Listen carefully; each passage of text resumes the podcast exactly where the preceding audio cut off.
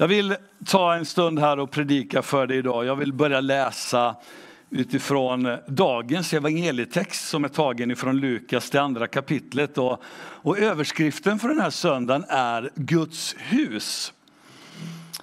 Och eh, jag läser då ifrån Lukas kapitel 2, vers 42 till 52. Och där står det så här. När Jesus var 12 år gick de som vanligt upp till högtiden. Då festdagarna var över och de vände hem stannade pojken Jesus kvar i Jerusalem utan att hans föräldrar visste om det. De trodde att han var med i resesällskapet och gick en hel dag innan de började söka efter honom bland släktingarna och bekanta. När de inte fann honom vände de tillbaka till Jerusalem och letade efter honom. Efter tre dagar fann de honom i templet där han satt mitt bland lärarna och lyssnade på dem och frågade dem. Och alla som hörde honom häpnade över hans förståndiga svar. Och när föräldrarna fick se honom blev de bestörta. Och hans mor sa till honom, mitt barn, varför har du gjort så här mot oss? Din far och jag har varit oroliga och letat efter dig. Då sa han till dem, varför har ni letat efter mig? Visste ni inte att jag måste ägna mig åt det som tillhör min fader? Men de förstod inte vad han sa till dem. Sen följde han med dem ner till Nasaret. Och han var alltid lydig mot dem. Hans mor bevarade allt detta i sitt hjärta. Och Jesus växte till i vishet, i ålder och välbehag inför Gud och människor. Amen. Och jag känner att jag behöver dricka lite vatten. Jag blev erbjuden vatten här innan men tackade nej, men nu måste jag ta det.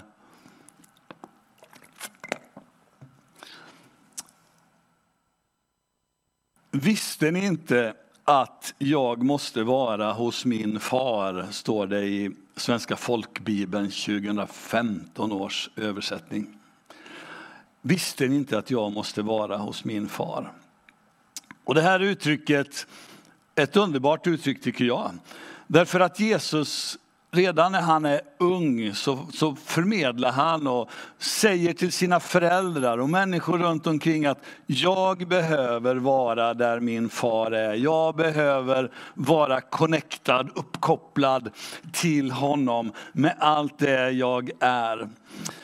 Ibland när vi hör talas om kristendom eh, så är det precis som människor talar om kristendomen som en Eh, en religion, alltså någonting man utövar eh, någon gång ibland, där livet rullar på och så utövar man kristendomen vid sidan om. Precis som om man pratade om att man var intresserad av något visst politiskt parti eller att man hejar på något fotbollslag och så helt plötsligt, och nu är det match och nu, nu ska vi vara med här. Eller, att, att på något sätt att det här är, är någon, någon extra grej. Men faktum är att livet med Gud, det är så centralt i våra liv. Livet med Gud är någonting som du och jag behöver faktiskt sätta högst på vår agenda. Men det finns så många saker som bara slår emot dig och mig.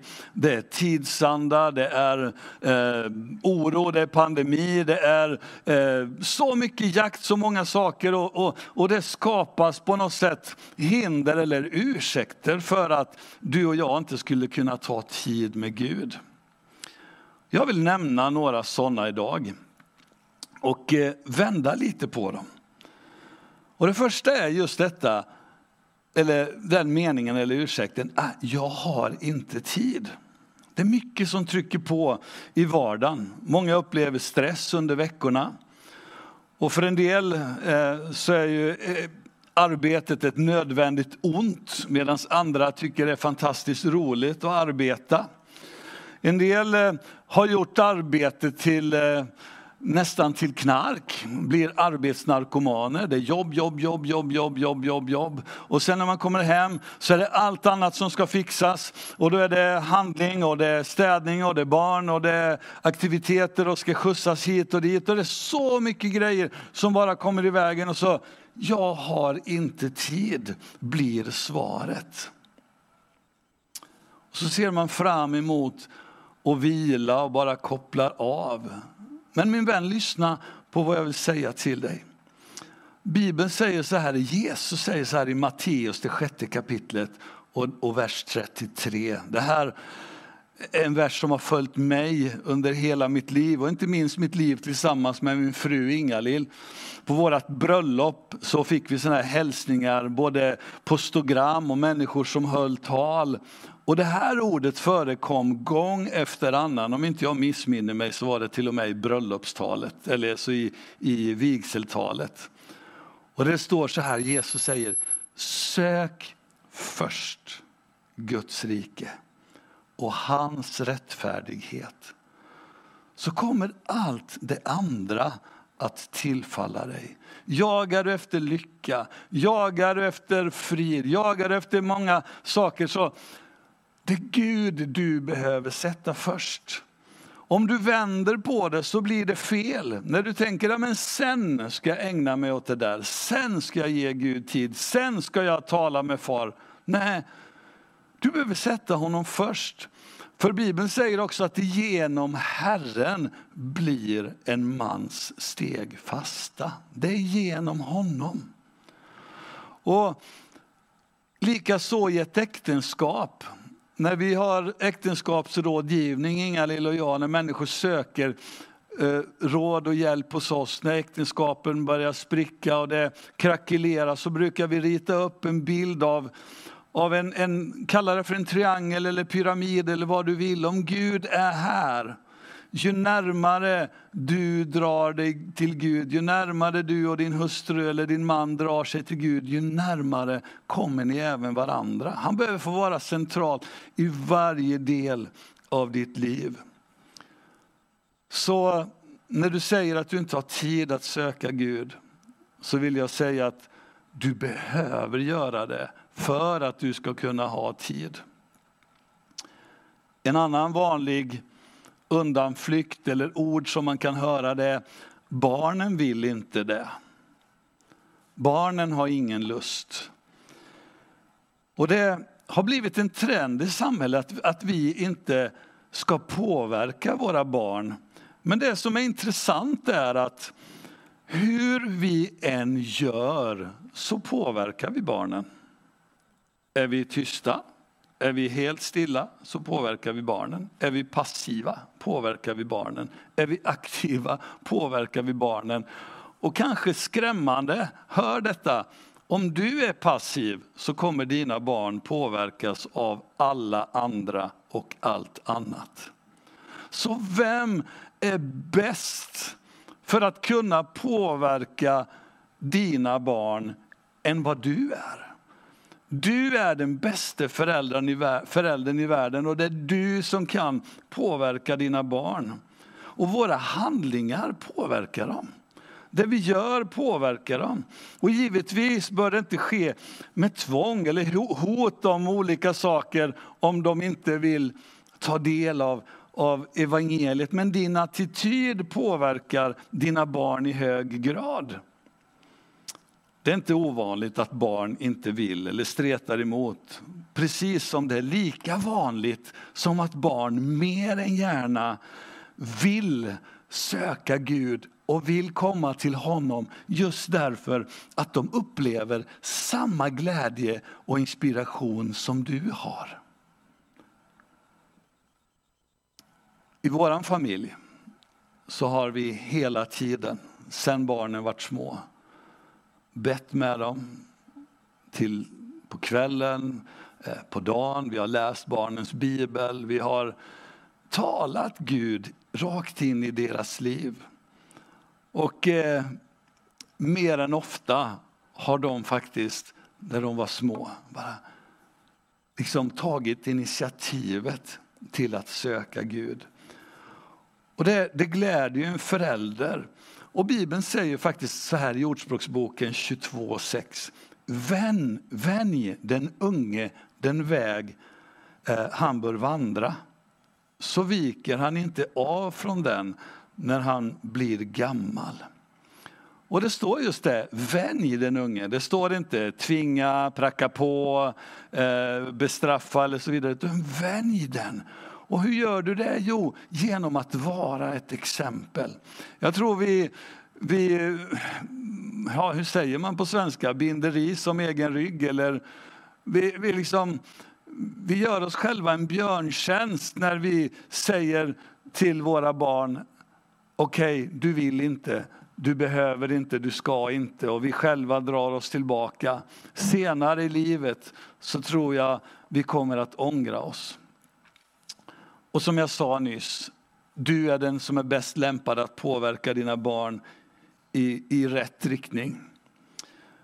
Det tredje jag kan höra ibland är, jag mår inte bra.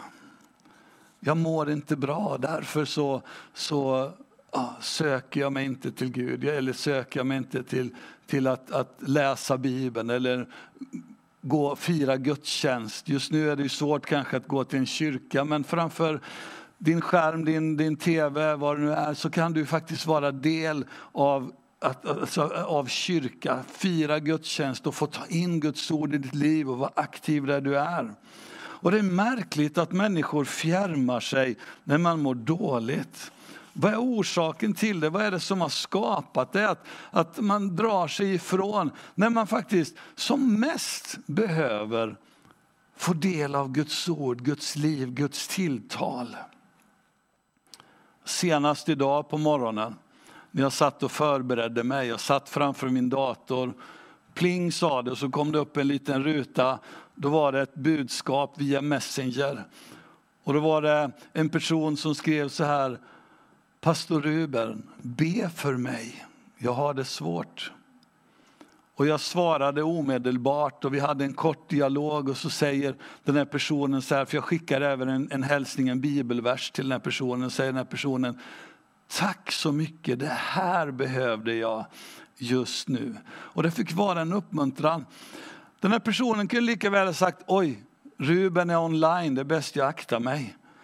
Men personen istället såg att men jag behöver hjälp av någon, jag behöver att någon ber med mig, jag behöver att någon får uppmuntra mig.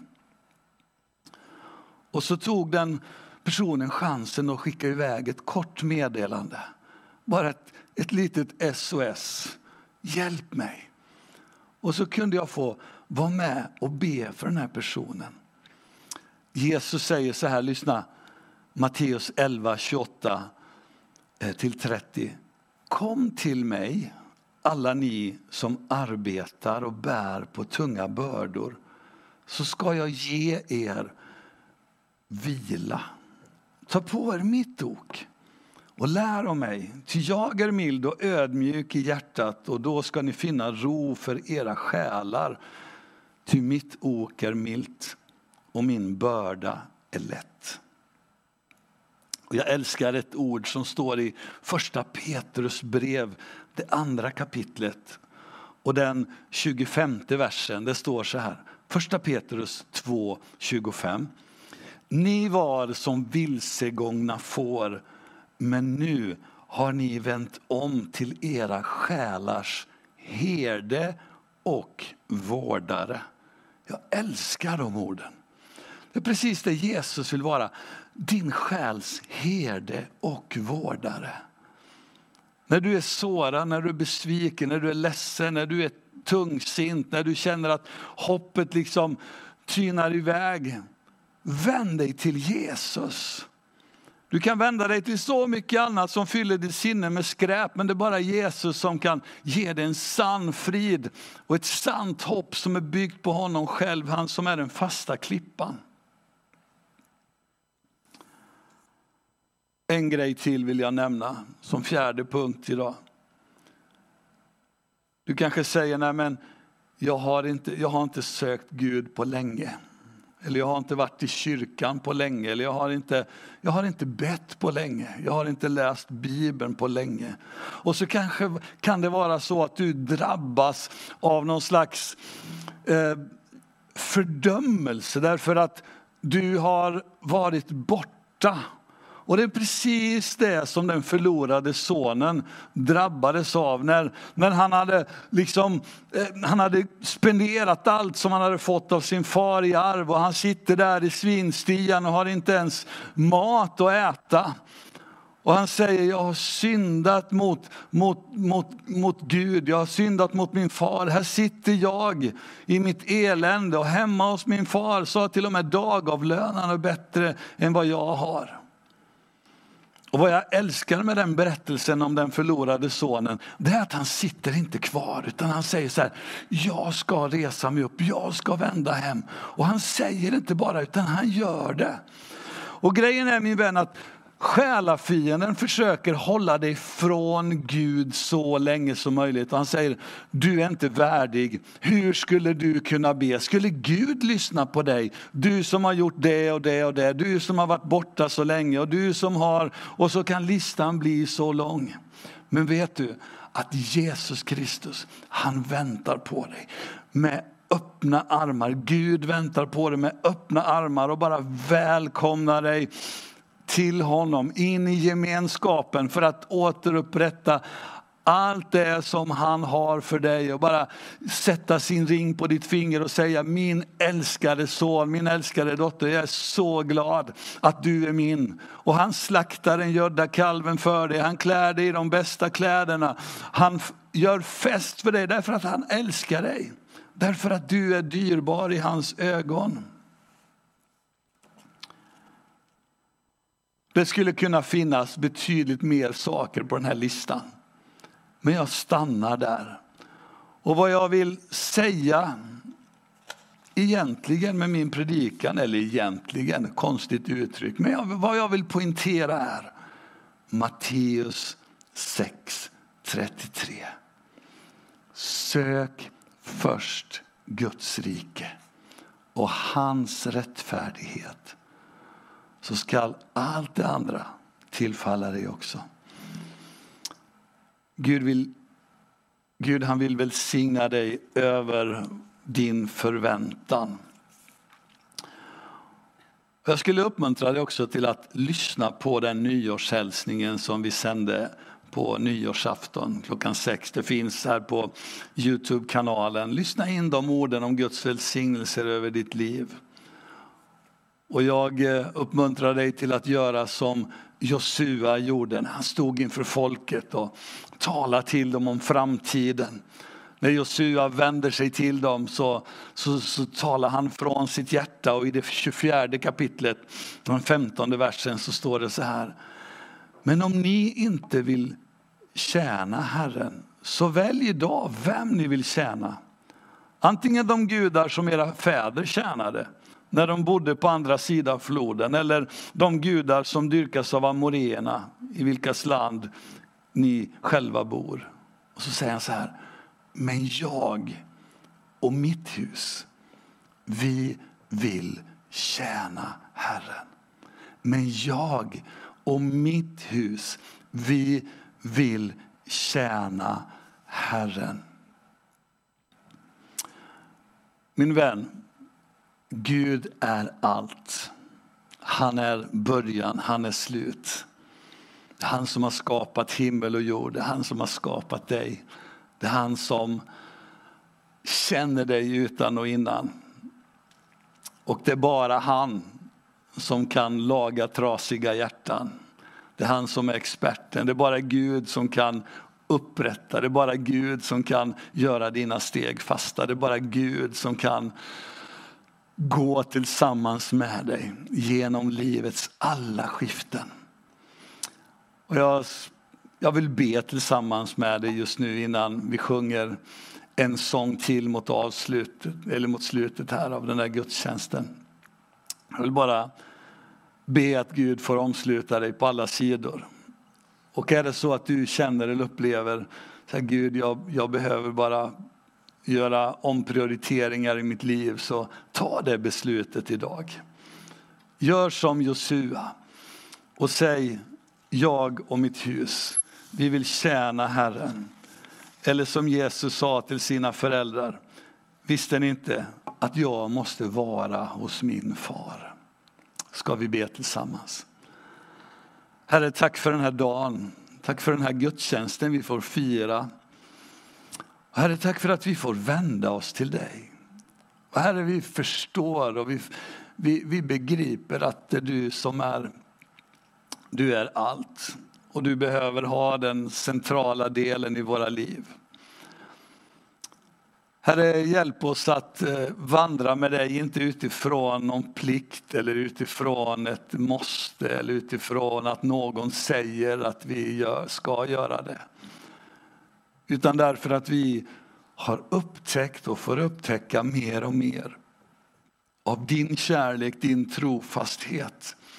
Din värme, din nåd, din förlåtelse, din upprättelse, din välsignelse och allt det du är. Att det är bara du och ingen annan som är Herre och frälsare. Att det är du och ingen annan som ger hopp och som kan ge ett evigt liv tillsammans med dig. Så Herre, jag ber för var och en som sitter och lyssnar idag, deltar i den här gudstjänsten. Kom heligande. Kom heligande just nu och berör. Kom heligande just nu och fyll hjärtan. Kom med din beröring från huvudet ända ner i tårna. Herre, kom med din kärlekskyss över var och en. Din, din omfamning, din kram, din nåd och din godhet. Och Herre, vår bön och vår längtan är att få vara inför dig nu och för alltid. Amen. Amen.